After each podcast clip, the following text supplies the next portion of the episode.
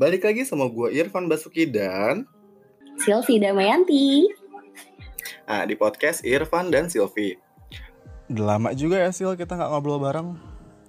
Sekarang gue pengen ngobrol tentang pengalaman kuliah, masa-masa kuliah, macam mata kuliah favorit, dosen pembimbing killer. Seru banget tuh kayaknya. Gimana Sil? Betul betul dan itu kayaknya udah lama banget deh dulu kita nggak maksudnya kita nggak kuliah gitu loh bener-bener ke kampus terus duduk di bangku kuliah gitu loh ya kayaknya udah kalau gue sendiri sudah empat tahun lalu ya empat tahun lalu gue lulus 2016 Oke, tuaan Udah lama Anda banget. dong jadinya. kan beda setahun gitu Oh ya, nggak, nggak, nggak ada tua lah kita. Kita sepantaran Silvi. Gimana gimana Nah, dan oh iya dan kayaknya nggak cuman yang sudah lulus kuliah aja nih sekarang yang kangen, tapi teman-teman mahasiswa yang masih mengenyam pendidikan atau masih masih status sebagai mahasiswa kayaknya juga banyak yang kangen sekarang. betul betul betul betul terlebih kan sekarang lagi oh, covid juga mereka nggak bisa kuliah uh, secara real langsung ke kampus ya tapi kan uh, sekarang sudah by online gitu Em, siapa duluan nih Sil? nostalgia siapa dulu nih Dari yang siapa? Kayaknya gue terlalu banyak sering di di awal. Kayak Silvi boleh duluan silakan banyak. Oke oke boleh boleh boleh boleh. Gua ya masa kuliah gue dari awal gue masuk kuliah mungkin ya. Eh, kalau masa kuliah itu kan masa bener-bener kita kayak lagi ngerasa keren-kerennya nggak sih? Kayak dari lo SMA terus tiba-tiba lo masuk kuliah yang mana kayak gue harus apa, apa maksudnya eh, kita akhirnya belajar pakai baju bebas eh, rambut yang cowok tuh bisa gondrong lo bisa pakai full makeup. Iya kan bisa loh, bisa lebih centil, bisa pakai tas ini, tas itu, pakai baju ini itu, sepatu juga bisa macem-macem. Pokoknya lo bisa aja gaya-gayaan banget. Dan itu gue ngerasa banget waktu gue di semester 1 sih. Jadi kayak orang-orang tuh kayak lagi kultur shock gitu kayak tiba-tiba heboh banget dandanan dandanannya terutama gue gue juga dulu termasuk yang heboh maksudnya bukan heboh gimana gimana tapi kayak mulai centil gitu kayak pakai eyeliner eh, tiap hari rambutnya dicatok di curly itu kayak centil banget. Terus Biasa sih itu emang kan namanya juga mahasiswi mahasiswi cewek kalau baru awal-awal masuk kuliah kan gitu. iya betul. Ya kayak kan nggak biasa dandan di sekolahan ya sih? Jarang malah dihukum disita lah segala macam. boro-boro dulu pakai lipstick aja enggak say. Sekarang kalau pakai lipstick kayak gue bisa gila sih. Oh, bener. Waktu itu awal jadi mahasiswi ya iyalah gue berontak kayak kasarnya gitu nggak sih? betul betul. Kayak tiba-tiba yes gue bebas. Gue bisa melakukan apa pun. Gue bisa ina ini itu. Gue bisa gue bisa jalan-jalan segala macamnya gitu. tapi gue paling apa ya kalau di kampus lo tapi ada ospek nggak sih Lik? Di kampus gue kebetulan nggak ada ospek sih Sil. di kampus lo nggak ada ospek ya tapi ada pengenalan kayak kampus-kampus gitu nggak sih Ada ada. ada ya Gue lupa lah pokoknya cuma kayak orientasi kita datang ngumpul gitu loh. Lu ada ospek ya? Gue ada tapi eh, ospek di kampus gue ini memang cenderung bukan yang hah sini lo anak baru. Nggak- nggak nggak kayak gitu. Beda. Jadi kayak bener-bener perkenalannya secara lembut sekali. Diperkenalkan yang bener-bener eh ini kita kampus kita ini loh. Kita tuh bakal ngelakuin ini aja kalau segala macem. Dan itu gue inget banget gue ospek itu eh, seminggu. Eh, gue lupa lagi namanya apa ya. Dulu kalau di kampus gue nama ospeknya itu gue lupa banget mungkin nanti habis ini kan gue google kali ya. Gue lupa banget di kampus gue itu apa. Nah jadi di kampus gue pas gue ospek nah tapi di kampus gue tuh eh, sebutannya bukan ospek sebutannya adalah FEP FEP itu apa sih? FEP itu Freshman Enrichment Program. Kayak repot banget ya bahasanya sampai gue nggak inget gitu loh istilahnya apa FEP kebetulan gue kuliah di binus dan ya kalau anak bisnis pasti tau lah yang namanya FVP itu apa kecuali mungkin para alumni alumni nah pasti lupa deh Nah, termasuk Anda tadi barusan. Eh betul, termasuk saya. Hmm. Jadi di satu angkatan gue, ya kita sebutnya Binusian 2016. Kalau di Binus itu sebutannya adalah tahun kita lulus. Jadi ketika gue masuk 2012, otomatis gue akan lulus 2016. Nah makanya gue akan disebut Binusian 2016. Seperti itu sejarahnya. Jadi kalau misal eh, ini sekedar informasi aja sih. Kalau misalnya ada yang nanya "Ah, Binusian 2020, berarti bukan dia masuk 2020, berarti dia masuknya adalah di tahun 2016 gitu. Ini intermezzo aja sih intermezzo. Tapi gue sangat happy sih. Oh my god, FVP gue tuh indah banget sih. Kalau lo sendiri gimana Dli? Kalau ospek lo?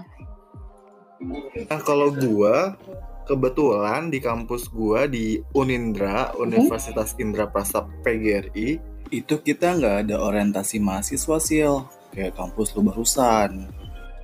Mhm. Jadi cuma ada kayak seremonial inaugurasi, kayak perkenalan beberapa fakultas yang ada di kampus ini segala macam. Gitu. Oke.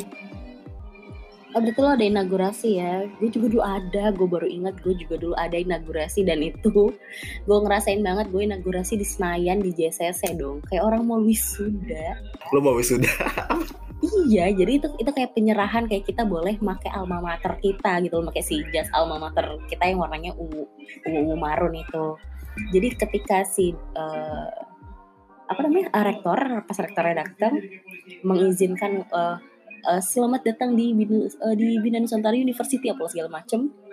Baru deh tuh kita dengan bangga pakai tuh alma mater gila gue di situ ngerasa keren banget bos. Padahal nggak tahu ke belakangnya kuliah ternyata sekampret itu cuy. Nah ngomongin masa kuliah. Gimana nih awal-awal kuliah deh?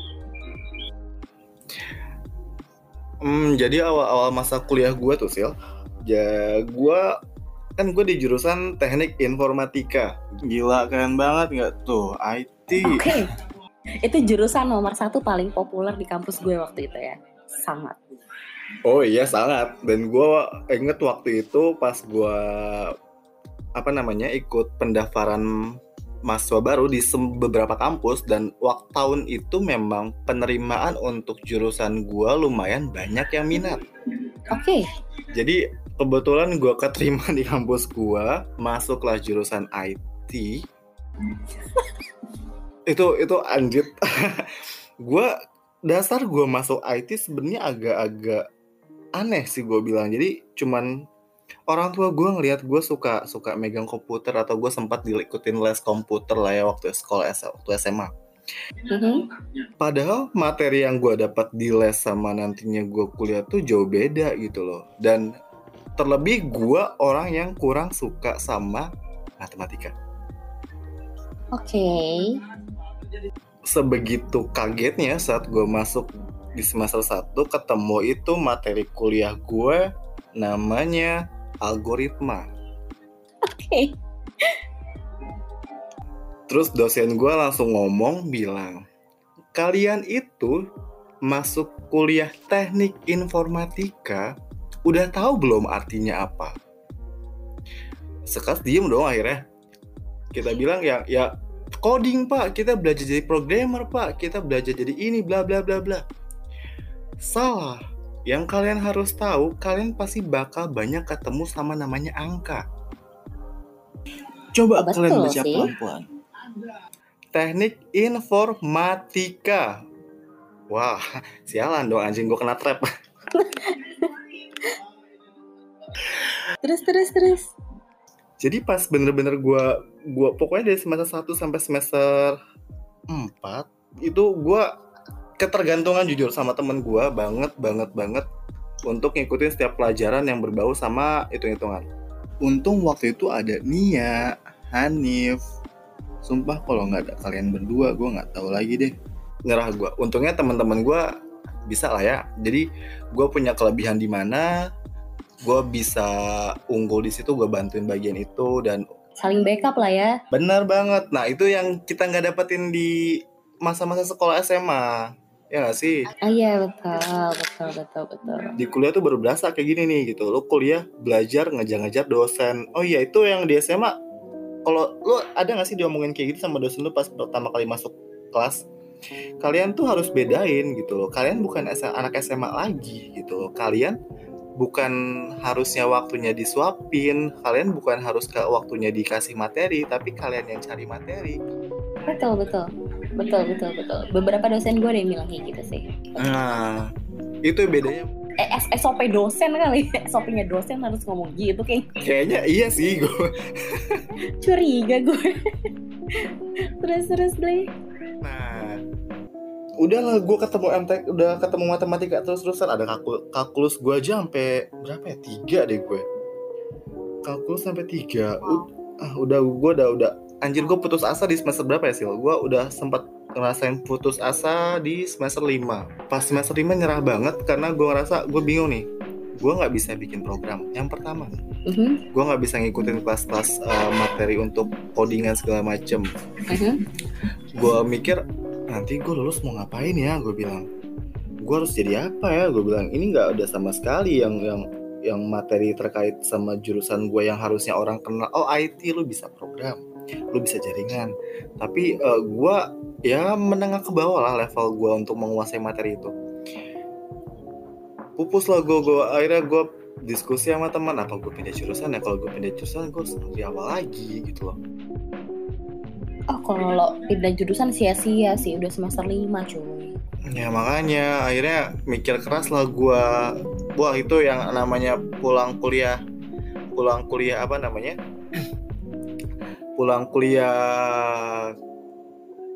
ada dua tipe kan, kupu-kupu sama kura-kura ya nggak sih?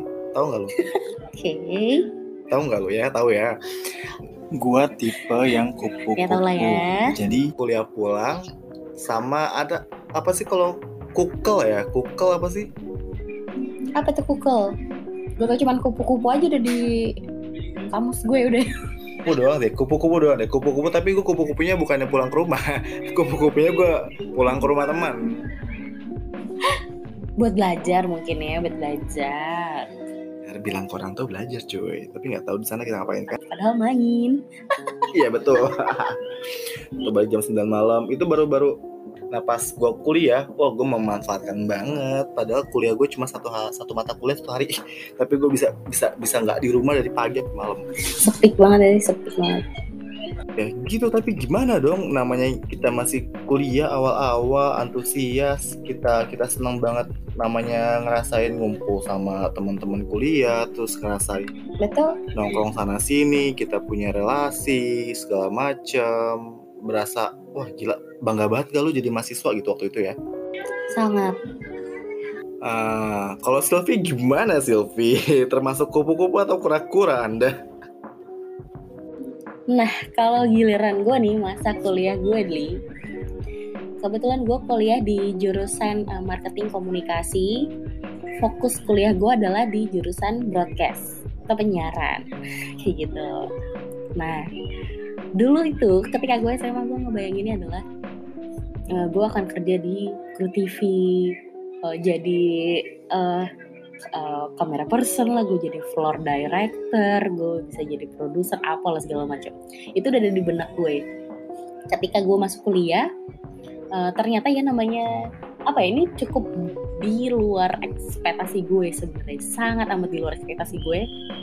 Gue kuliah dari semester 1 sampai semester 4 atau 5 gue lupa. Itu gue dicekokinnya adalah dengan only teori bayang gak sih? Teori only teori. Ada beberapa kali praktek tapi menurut gue praktek itu tidak. Nggak sepenuhnya yang mengajarkan lo harus A B C segala macem. Jadi kayak gue nggak kebayang ketika gue kuliah gue dapat mata kuliah eh filsafat. Gue dapat gue dapat mata kuliah. Gue kaget ketika eh, seingat gue itu semester 3 deh.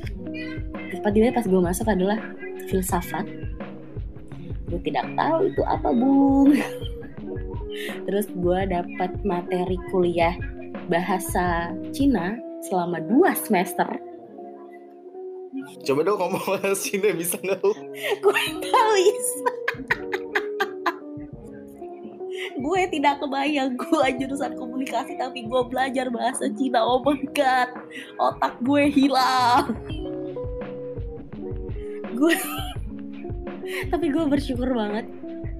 Eh, jadi ada satu teman gue tuh dari awal gue masuk dari awal, awal gue ospek sampai gue bener-bener eh, lulus bahkan sampai sekarang pun gue masih sangat berteman dengan baik. Itu namanya Windy.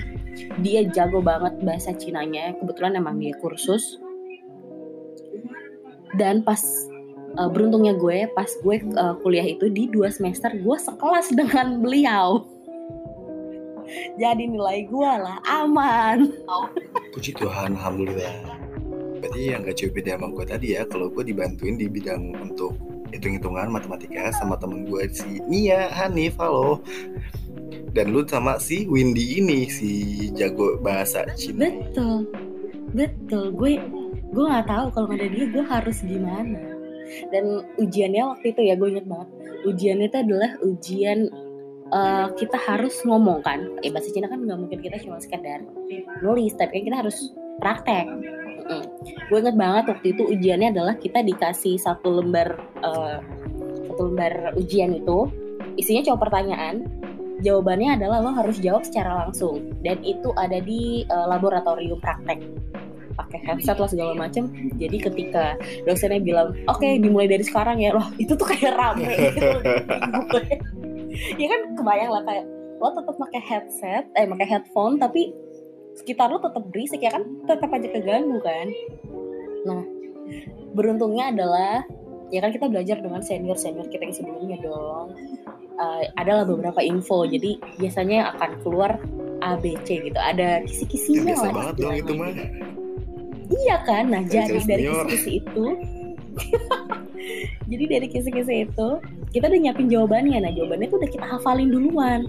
Jadi sebenarnya gue pun nggak tahu ketika kertas itu dibagikan soalnya apa, nggak tahu gue, gue nggak tahu apa-apa. Itu dua semester gue nggak tahu ngapain.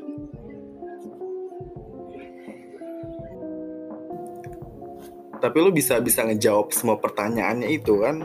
Tapi nggak tahu. Bisa bisa.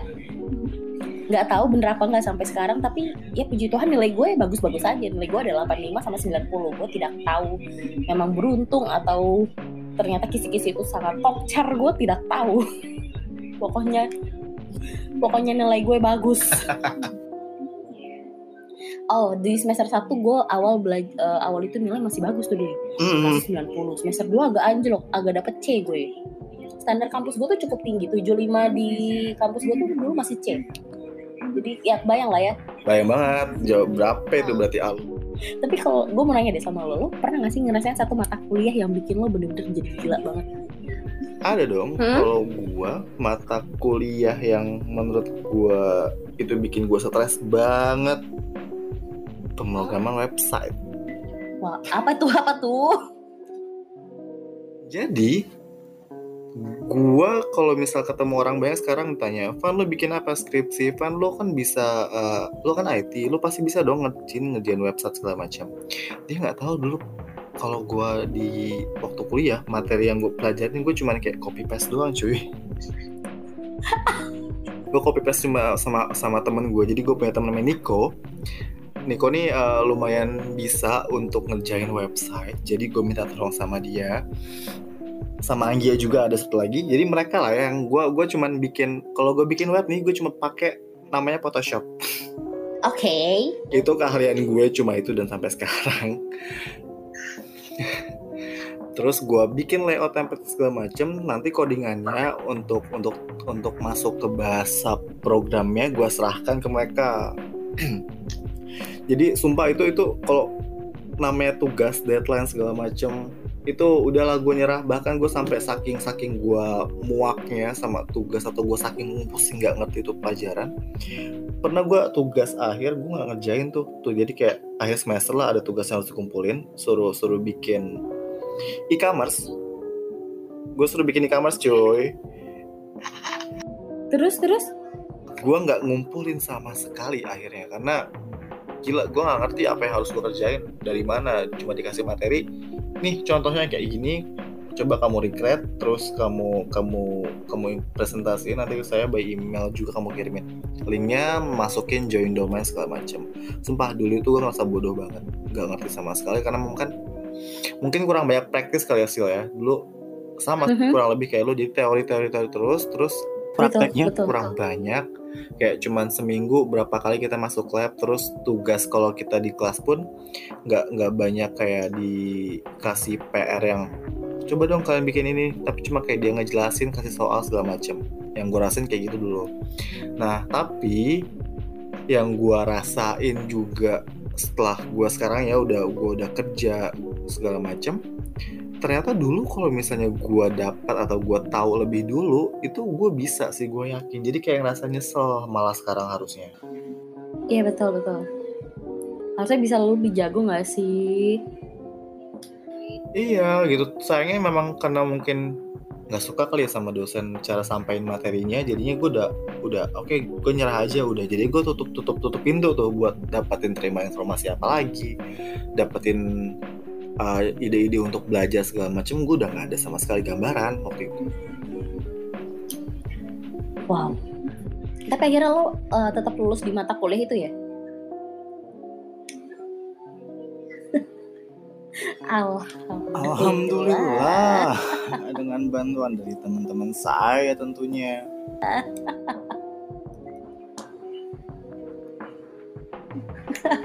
Luar biasa. Emang sih teman-teman kuliah tuh apa ya? Bener-bener yang ngedukung banget gak sih? Betul betul. Apalagi gue, gue juga termasuk gue kan ngekos ya selama 4 tahun tuh gue bener-bener ngekos Oh, iya? gitu loh. Iya betul, gue kan ngekos karena uh, dulu orang tua gue khawatir lah apa namanya anak gue kan anak tunggal nih udah satu-satunya kalau harus naik kendaraan umum takut lah takut ya itu takut dicopet lah apa segala macam terus takut apa ya takut waktu belajarnya itu kurang padahal padahal waktu belajarnya banyak banget. Menyesal pasti mereka dulu bikin ke ngekosin gue. Malah malah gue banyak main ya. banyak mainnya. Luar biasa sih. Eh, tapi ada lagi nggak mata kuliah mata kuliah lo yang uh, bikin lo pusing atau mungkin yang bikin lo sangat happy? Kalau mata kuliah gue yang bikin gue sampai hari ini malah materi yang di luar dari jurusan gue sih sebenarnya. Oh ya oke oke. Eh, nggak masuk. Keluarga negaraan gak sih lo coba lu mampus lu keluarga negaraan? Iya gue masih ada. Jadi kayak di semester akhir itu gue cuma dapat satu kali di karena mungkin gue suka kali sama dosennya penyampaian materinya terus cara dia cara dia ngajakin kita diskusinya itu yang gue suka dari situ bukan oke. gue suka materinya tapi ternyata ya berarti gue suka dari cara ngajar dosennya terus sama bikin gue buat proaktif di situ. Mhm. di situ gue mulai ngerasa oh ya gue lebih cocok kayaknya itu yang bikin gue bikin gue mikir apa gue harus pindah jurusan aja ya gitu. Gue lebih nyaman saat gue eh apa namanya sih kalau di komunikasi gue pengen pindah ke komunikasi tadinya oke gue eh, ngelakuin kayak ada diskusi terus ngelakuin ada terjun ke lapangan cari data segala macam Heeh. gue lebih Mhm. suka ngerasain hal itu dibanding gue harus Oke. belajar tentang IT. Kalau Sil- kalau lu nih pelajaran yang sangat-sangat favorit buat lu tuh apa sih? pelajaran paling favorit oke pelajaran paling favorit gue tuh justru ada di akhir-akhir semester. Gue agak lupa di semester berapa tapi seingat gue antara semester 6 atau 7 kan eh, kayak yang tadi gue bilang di awal semester awal gue itu 1 sampai 5 tuh bener-bener full teori. Praktek tuh dikit banget bener-bener sedikit.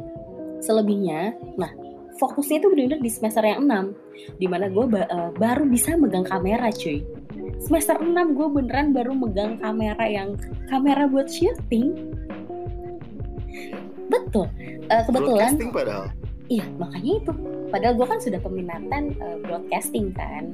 Jadi uh, di kampus gue itu memang uh, semester awal antara 1 sampai 4 itu uh, kita uh, belajar teori umum. Jadi kan semua anak komunikasi itu dapat. Kebetulan dulu di tahun gue itu cuman kebagi dua, uh, broadcast sama public relation gitu kan. Nah, jadi kita semua dapat materi yang sama di semester awal. Nah, baru fokus-fokusnya itu di semester di semester yang 6 Nah di semester yang 6 itu gue benar-benar baru terjun ke studionya punya Binus. Binus kebetulan punya uh, TV juga, channel TV, Binus TV. Nah gue bener loh semester 6 gue baru megang kamera cuy. Gue baru tahu ruang controller seperti apa, gue baru tahu cara setup seperti apa, megang switcher kayak gimana. Baru serius di semester 6 lu bayangin gak kayak di benak lu tuh kayak lu telat banget cuy. Harusnya lebih baik dikasih di awal-awal atau tengah-tengah udah mulai diinfoin Iya. segala macem ya. Betul. Dan ini gue beneran da- baru dapetnya tuh di semester akhir. Gue tuh keselnya tuh di situ. Jadi selama gue kuliah hampir tiga tahun itu gue selalu bertanya-tanya kapan gue akan praktek di studio, kapan gue bisa ABC segala macem sesuai dengan impian gue di masa SMA. Ternyata gue dapet di semester 6. Jadi, nah jadi tuh kuliah gue ketika praktek, prakteknya tuh eh, apa ya semester awal itu praktek itu kayak praktek-praktek sederhana. Contohnya eh, wawancara doorstop. Wawancara doorstop itu adalah kita datang satu ke lokasi, kita nungguin orang atau eh, orang yang dituju itu datang, terus kita langsung wawancara. Jadi kita nggak ada janji-janji. Oh. Nah kalau misalnya lo lihat di TV, mm, lo lihat di TV tiba-tiba ada sekilas info terus banyak wartawan ngerubungin eh, si narasumbernya terus langsung ngasih Hmm, mikrofonnya gitu, misalnya. mikrofon. Mm-mm. biasanya Bapak Anies baru keluar dari uh, kantor nih, lagi misalnya mau uh, tugas gitu kan, mau keluar. Pas dia keluar kita langsung ngerubungin dia, Dok.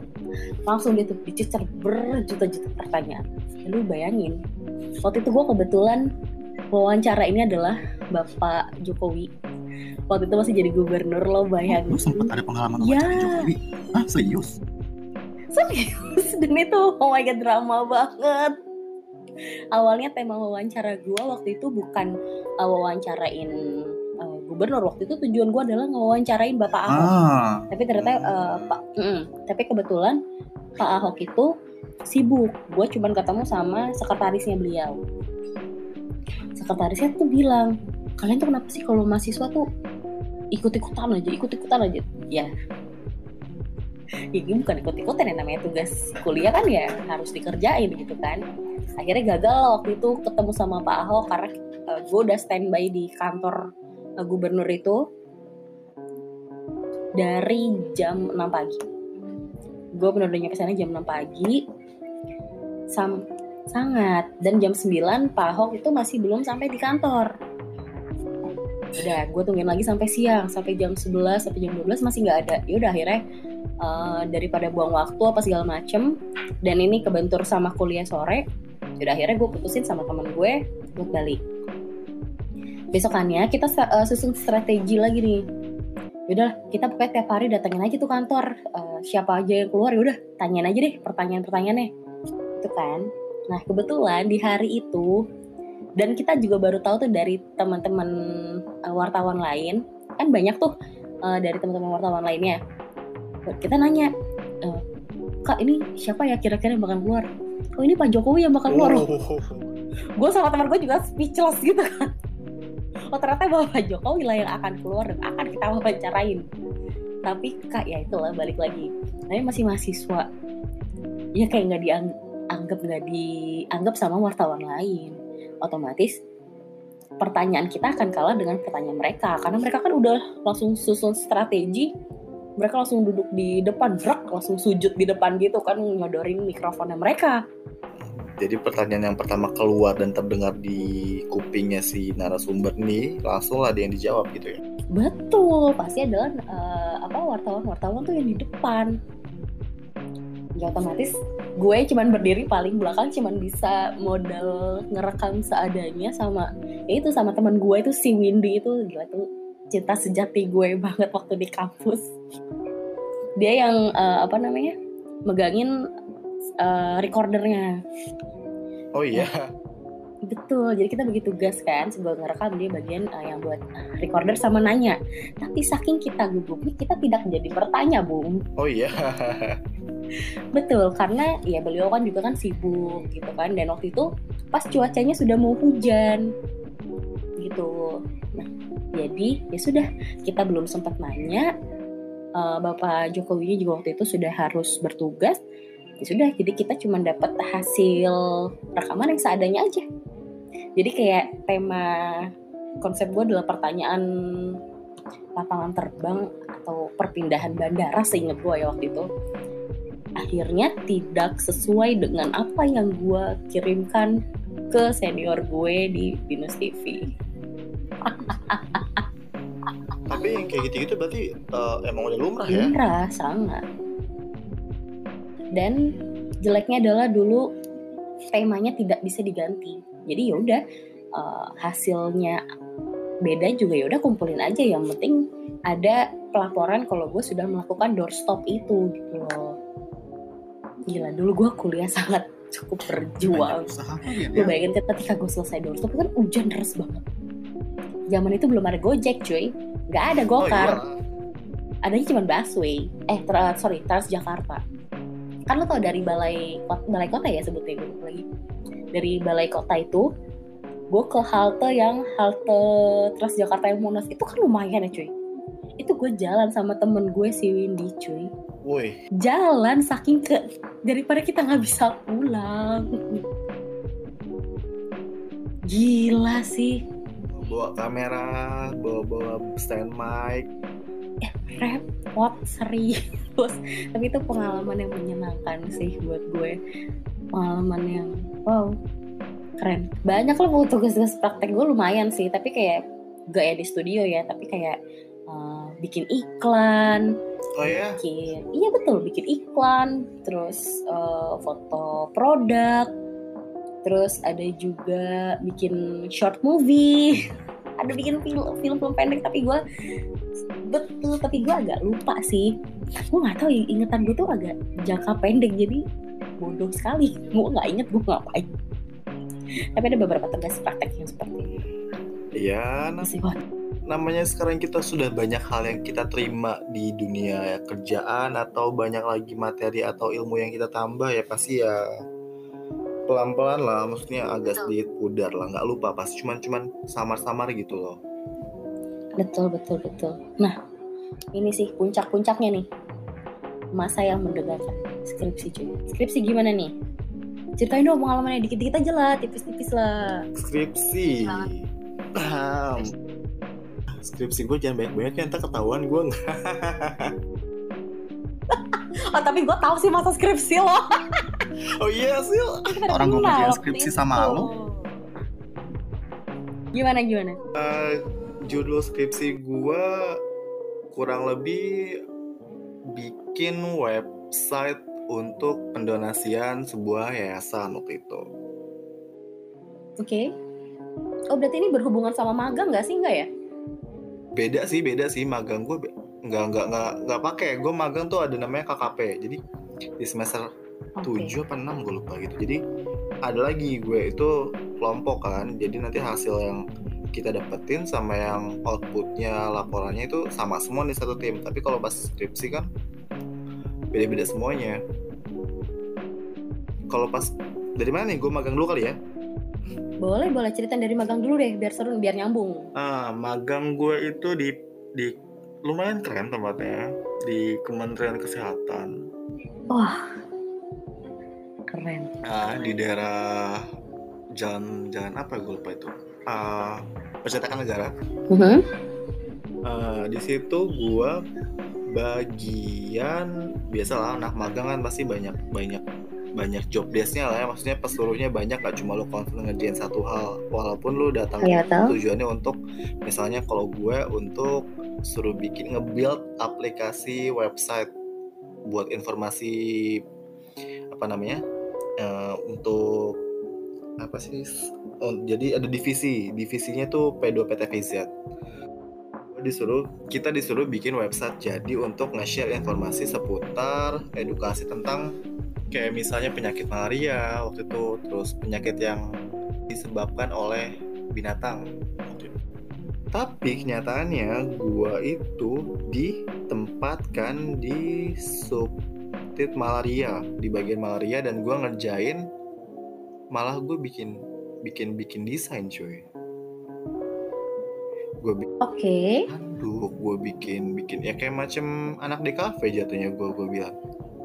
agak lain ya makanya gue kata gitu kan nah dari situ ya udahlah pas uh, selesai kita bikin laporannya selesai kita bikin website jadi nah gue teman-teman gue nggak ada nih yang nerusin bikin website. Soalnya karena masing-masing dospem beda-beda lah ya aksesnya gitu loh. Karena sebetulnya di kampus gue itu untuk bikin website sebetulnya kurang disetujui karena dibilangnya termasuk paling simple, paling mudah gitu loh. Karena kalau nge-share web cuma kasih kayak informasi kayak travel blogger kan dia punya web cuma isi informasi, profil data segala macam. Nah, di situ kenapa gue bisa diajui, disetujuin, sorry, karena gue tambahkan ada action seperti kayak bisa submit nominal, nanti ada transaksi uh, donasi, terus nanti ada keluar output hasil primnya segala macam kayak sekarang sih kalau misalnya kita udah buka Tokopedia salah satu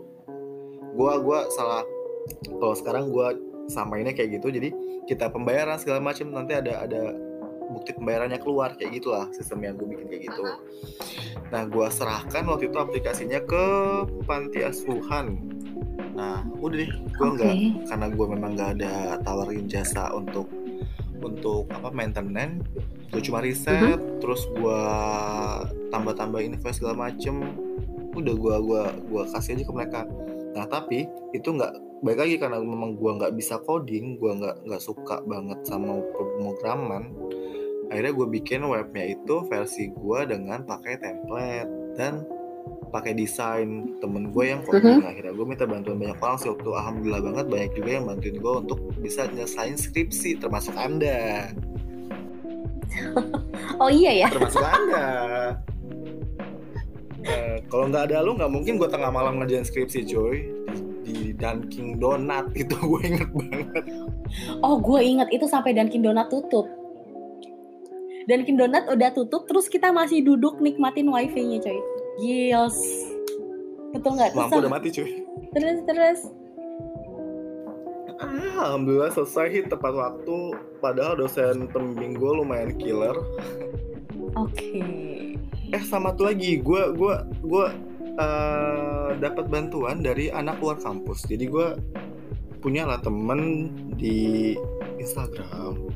Jadi kayak gue cuma cari-cari lah siapa nih sih anak-anak dari alumni apa dari background kampusnya lah ya. Oh dia anak anak kampus ini nih. Wah yang gue tahu kualifikasinya lumayan lah ya untuk untuk segi eh dari segi jurusan IT-nya akhirnya gue datengin. Kenapa gue pilih juga kampus itu? Karena dosen gue itu backgroundnya alumni dari kampus itu. Oke. Okay.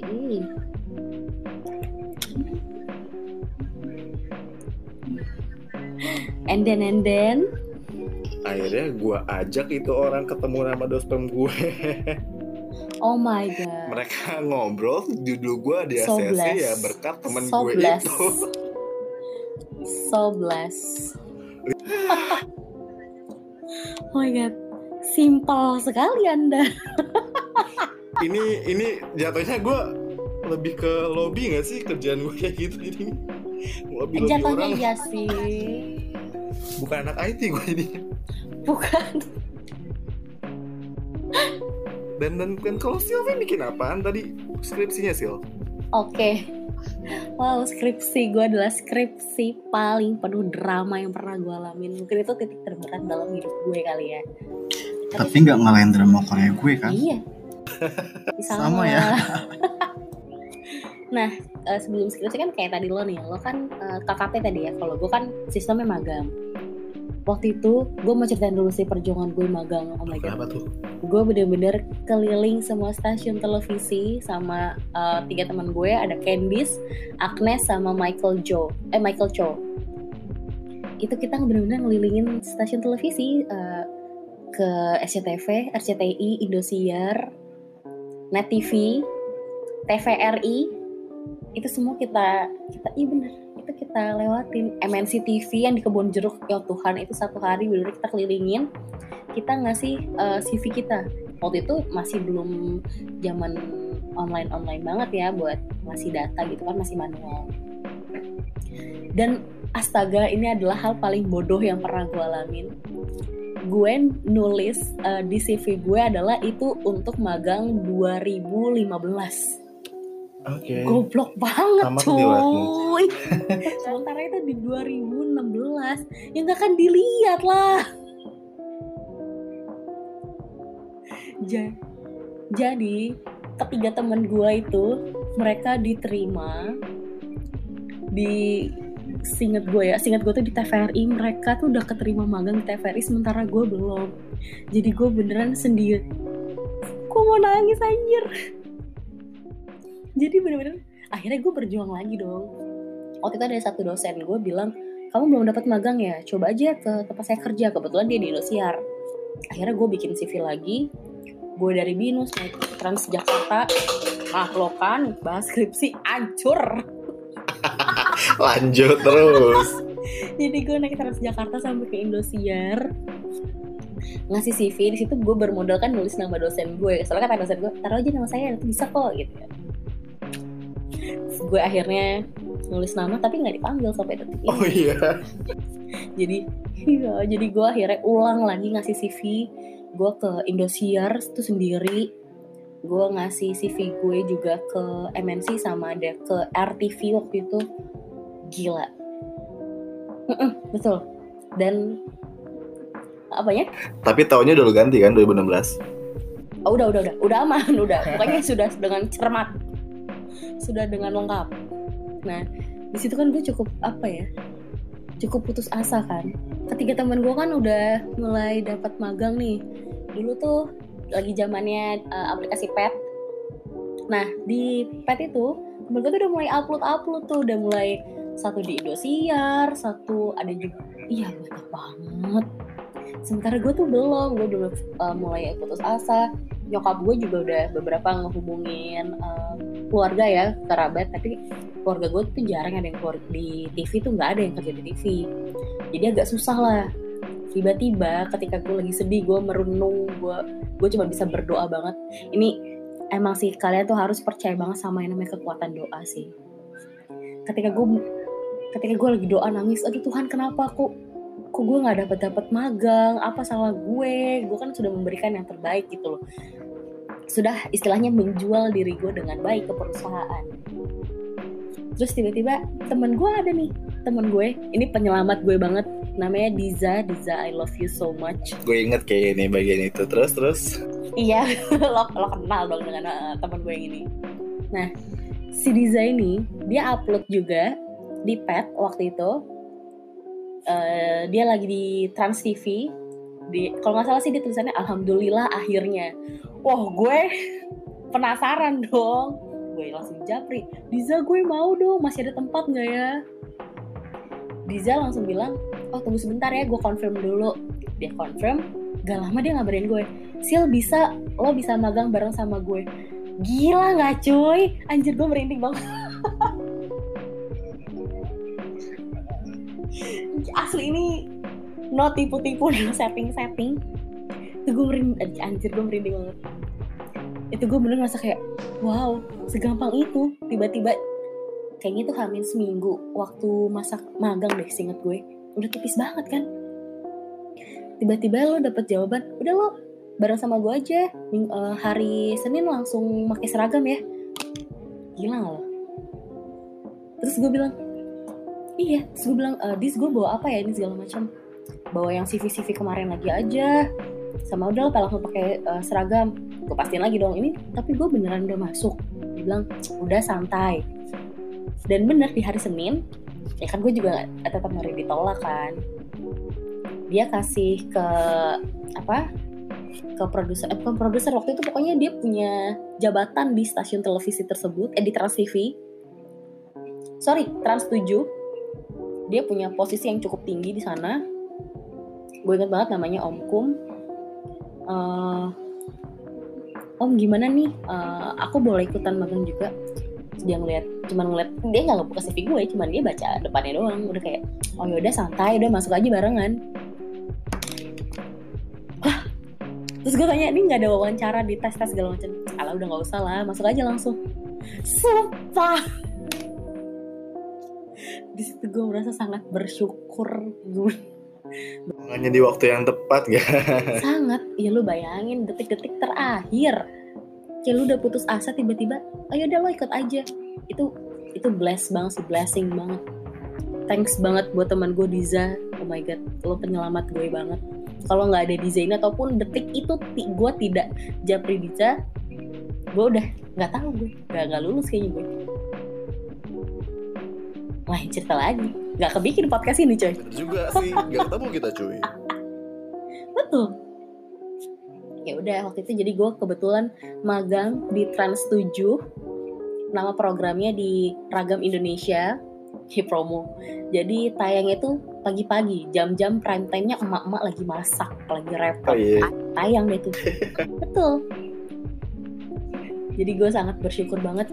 Semua krunya luar biasa baik banget Eh, ada satu produsernya juga namanya Om Gun Om Guntur. Itu juga salah satu eh, motivasi juga buat gue menyusun skripsi dia dia bantu ngebimbing gue juga. Luar biasa sih pokoknya pengalaman gue di sana tuh. Keren. Trans 7 keren banget. Keren. Diperas juga otaknya coy. Berapa lama Sil di sana Sil? hampir enam bulan. Eh kok enam bulan lama banget? Gue magang tiga bulan 6 apa 3 nih? tiga tiga. Gue gue magang tuh tiga bulan. Jadi asisten produksi. Jadi gue bantu-bantu riset. Jadi kan ya, itu kan tayangnya liputan ya. Jadi eh, misalnya si krunya ini mau liputan eh gue mau liputan di Raja Ampat dong. Yaudah gue research nih di Raja Ampat tuh ada apa aja. Kontak yang bisa gue hubungin tuh siapa aja gue bisa nego harga transport di sana gak ya? Orang di sana yang bisa gue hubungin siapa? Tinggal di mana? Akomod pokoknya akomodasi semua tuh gue research dan gue hitung gitu. Hitungnya tidak hitung secara full sih tapi ya, gambaran aja gitu. Apa, mas, apa namanya? Buat hitung-hitungan di laporan segala macam lah ya itu ya? Betul mm, terus kan eh, mereka ada bikin surat persetujuan juga kan. Nah eh, surat persetujuannya juga harus dikasih ke tim yang terkait kayak gitu. Jadi ya lumayan menyenangkan lah. Di sana tuh menyen- ya menyenangkan menyenangkan. Lumayan. Gitu sih. Dari selesai lu magang sampai Mhm. lo nyelesain skripsi. Oh Tuhan gue pengen tahu nih. Kayaknya gue lo lo lagi mau ngerjain skripsi gue nggak terlibat deh Sil kayaknya iya kayaknya waktu itu gue terlalu busy. Nah itu skripsi lu gimana lo kerjanya? Lo pengajuan judulnya ada masalahnya di mana Sil? Skripsi oh Tuhan. Skripsi gue tuh luar biasa banget. Karena program gue kan uh, program ragam Indonesia. Otomatis ya biar mempermudah ya gue melakukan penelitian di sana. Yang sebenarnya gue juga kagak melakukan penelitian. Orang gue cuman ya bantu-bantu mereka aja kan nah uh, kebetulan gue dapet dosen yang cuman iya iya iya. Nyebelin gak sih? Kayak lo nggak tahu lo bener apa enggak jadi bukannya enak ya ya aja. Loh, justru enggak. Karena ketika lo sidang, lo dibabat. oh gitu malah. Betul, justru kita harus bersyukur dapat dosen killer di awal. Karena lo dapat materi tuh mateng gitu loh. oh, thank you berarti buat pesan gue berarti ya Yes. Karena ini yang terjadi di skripsi gue. Karena dosen gue cuman iya iya. Eh, gue cuma nanya pak ada yang kurang nggak? Enggak sih paling ya teksnya dibenerin dikit aja bahasanya diperhalus. Ya bingung gak sih lo kalau cuma dikasih bahasa diperhalus? Ya yang mana? gue amplas gitu pak part mana gitu. Jadi gue apa ya tidak terlalu mengalami kayak mahasiswa lain mungkin yang skripsinya full dicoret halaman ini set coret coret. oh iya Iya, jadi gue tidak mengalami tidak begitu mengalami gitu. Jadi yang diubah kayak cuman oh ini kayaknya harusnya bahasanya ini nih perilaku jadi apa gitu loh. Pesan doang gitu nggak dicaca skripsi lo ada kali Enggak serius. Enggak, enggak, enggak ada. bersih dong berarti lo boros cuy iya jadi ya dosen gue paling cuman oh tambahin aja satu teori ini udah kayak gitu aja tapi dari apa yang gue tulis itu dia tidak begitu melihat gitu loh Nah kebetulan skripsi gue adalah kualitatif, eh kuantitatif sorry. Oke. Eh, yang ngitung-ngitung SPSS itu kuantitatif kan ya? Mohon maaf nggak tahu. Seingat gue adalah skripsi gue ini kualitas ya pokoknya mahasiswa itulah yang hitung data lah ya. kan alma mater. nah, jadi itu kan pakai hitung-hitungan. Dan gue pun, oh my god, gue ngambil kuantitatif itu adalah karena banyak contohnya di library kampus dan beberapa senior gue itu eh apa ambil skripsinya adalah kuantitatif. Itu hal goblok. Ikutin deh tuh ya. Iya, ngikutin. Ngikutin jejak yang belum tentu lu tuh bisa.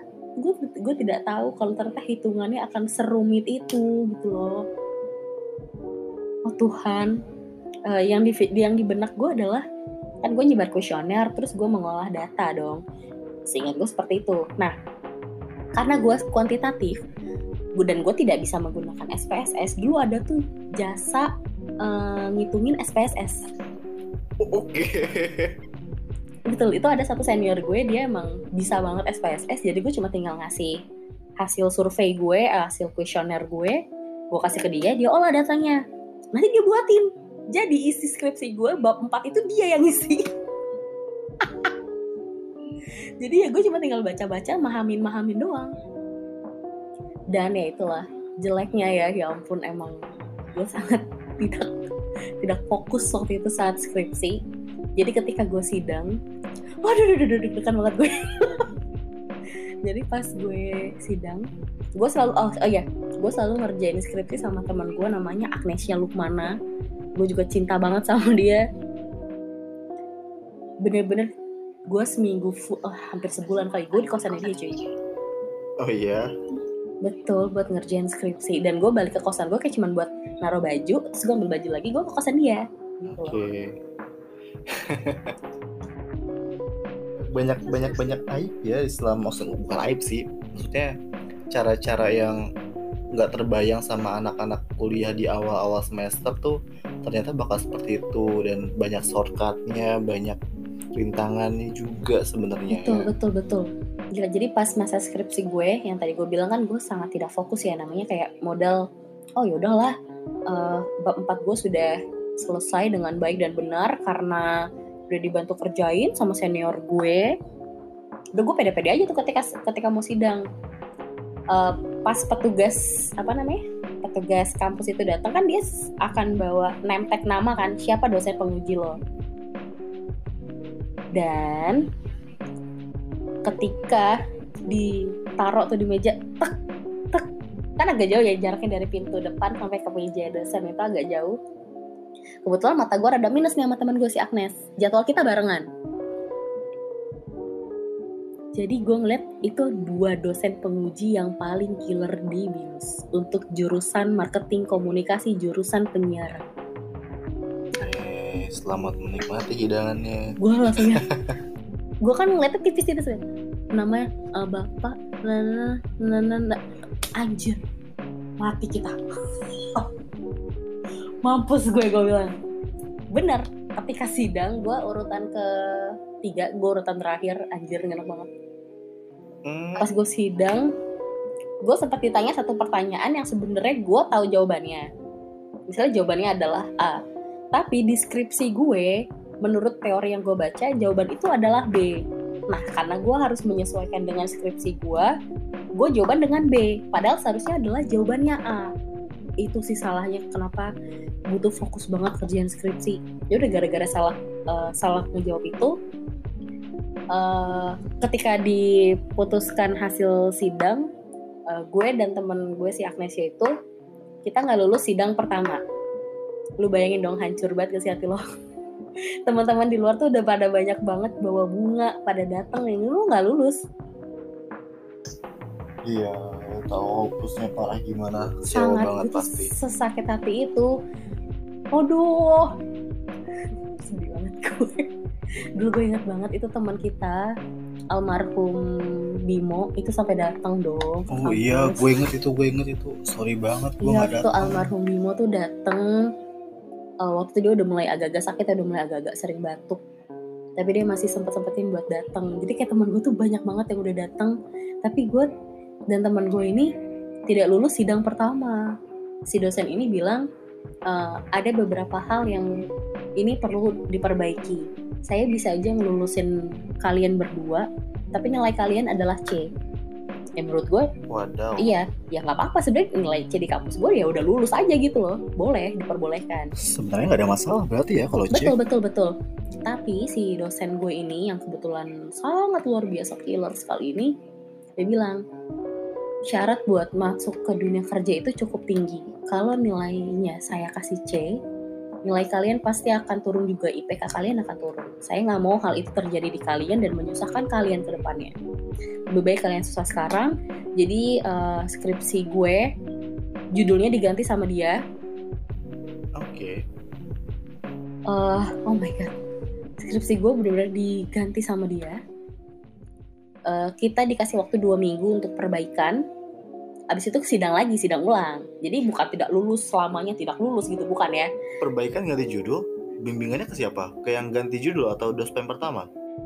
dospem yang uh, pembimbing gue juga sama dosen yang penguji gue jadi gue tiga dosen tiga dosen Ah, dan oh my god Uh, ketika dia bilang gitu gue udah hancur banget kan tapi ya gimana gitu ya namanya dia dosen penguji pertama gue ya sudah lah. ya. bilang "Mm-mm, harus deh ini perbaikin dulu Uh, memang syaratnya adalah dikasih waktu dua minggu setelah dua minggu lo kasih uh, data skripsi lo lagi baru lo boleh sidang itu jadi ada sidang kedua jadi sebenarnya nggak perlu khawatir sih kalau di kampus gue ya misalnya lo tidak uh, lulus sidang pertama itu masih ada sidang kedua dan masih ada sidang ketiga Iya, iya. iya. Tuh. Nah, ketika sidang kedua, eh sorry, sebelum masuk sidang itu, kan gue uh, bikin skripsi lagi. Karena judulnya diganti sama dia, otomatis gue merubah dari bab 1 sampai bab uh, kelima gue dong.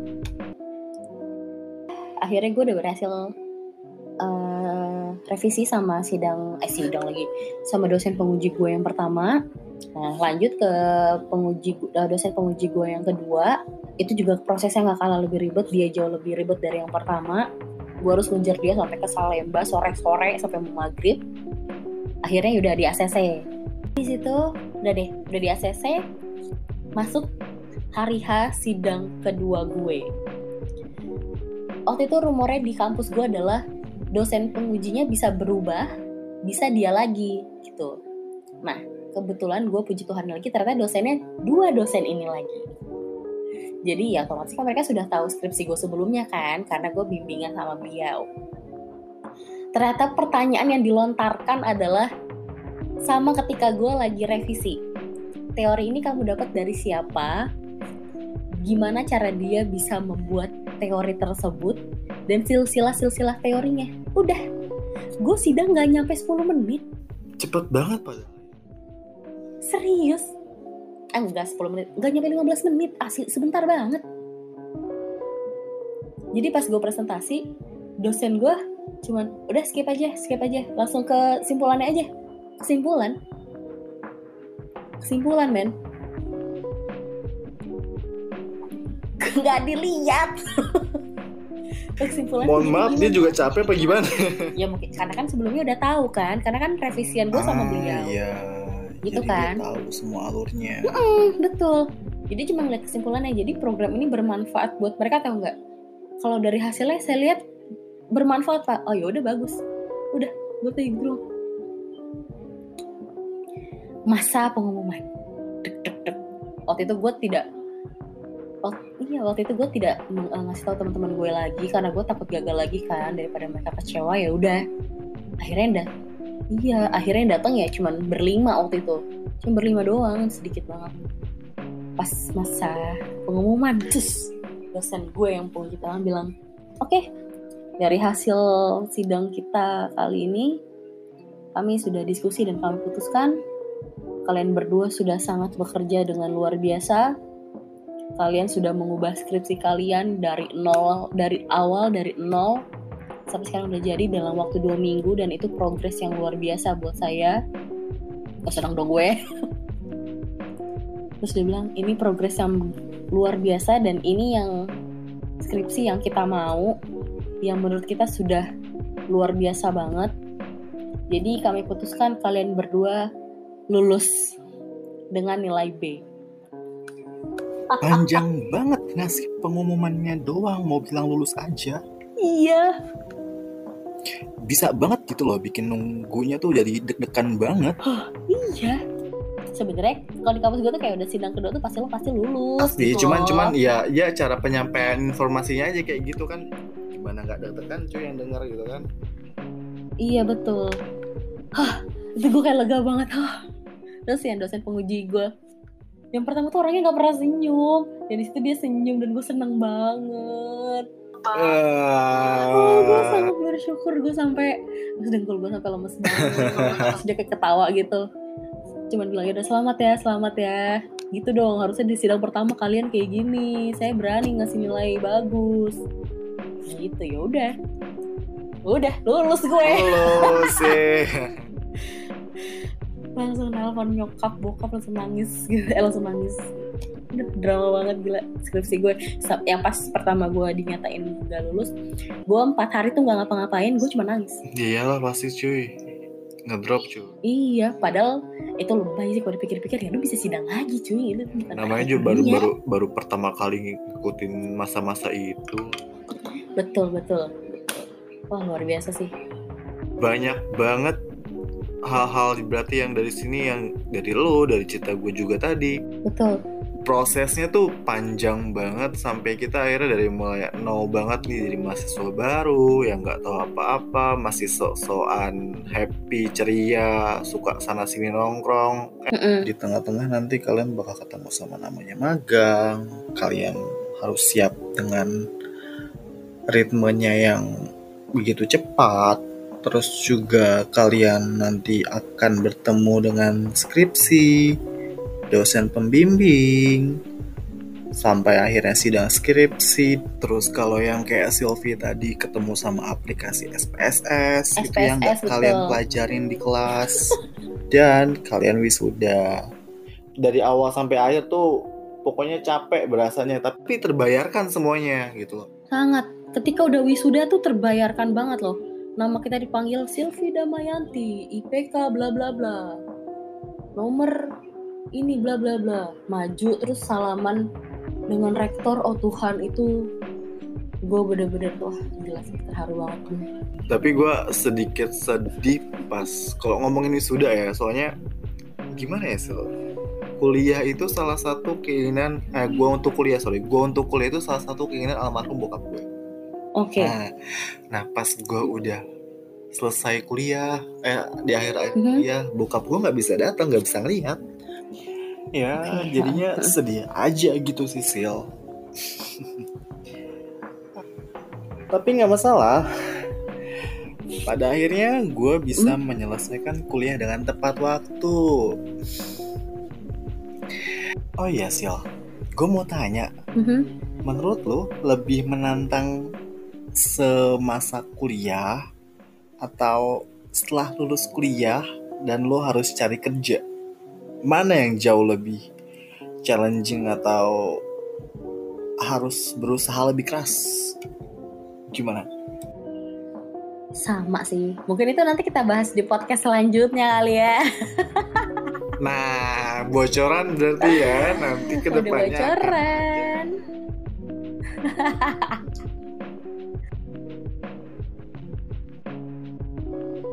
intinya buat kalian yang masih masih baru-baru kuliah itu kalau pesan dari gua jadilah mahasiswa yang proaktif kejar dong betul. bisa mungkin selama mereka masih meluangkan waktu.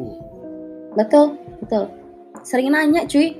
Bener mereka masih menyediakan silakan mau tanya jangan pasif gitu loh. Karena nanti di tengah atau di akhir kalian kuliah kalian butuh butuh informasi itu yang harusnya kalian udah tahu tapi kalian nggak tahu dan akhirnya nyesel sendiri Betul. gitu loh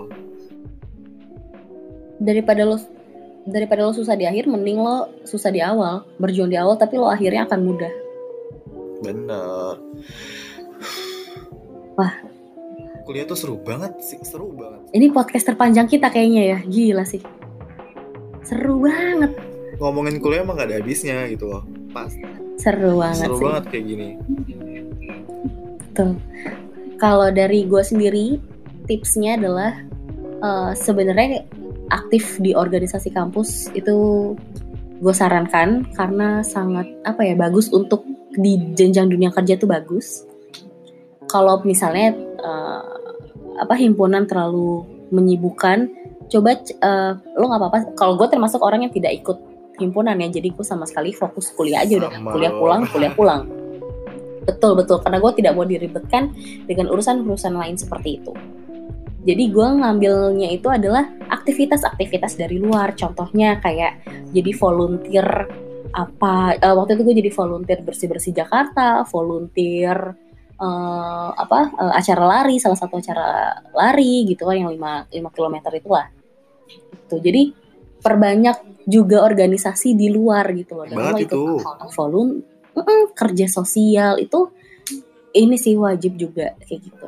karena relasi itu nggak cuma di lingkungan kampus lu bisa dapat walau lu misalnya kayak kayak kita nih yang nggak ikut himpunan atau nggak ikut organisasi di kampus jangan ngerasa ah oh ya kayak gue nggak punya nggak punya relasi nantinya jangan salah lu bisa cari tempat lain yang sesuai sama passion lo atau mungkin lebih banyak Betul. bisa lebih ngasih banyak masukan buat lo ke depannya Betul banget. Itu sih relasi itu sangat penting sih sebenarnya untuk masa depan kita semua. betul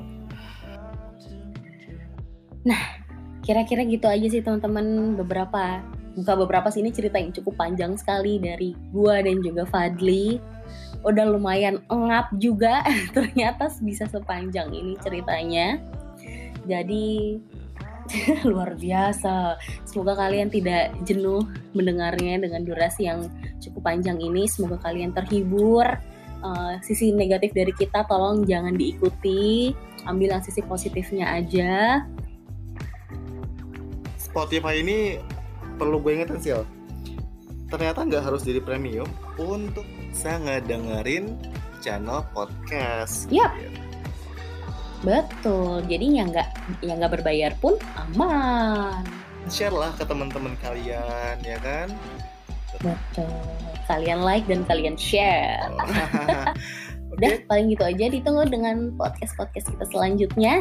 Jangan lupa dengerin podcast kita terus ada di Spotify, cari aja Irfan dan Silvi Podcast. Oke. Silvi Damayanti signing out. gue Irfan Basuki sign out bye bye Bye bye. See you.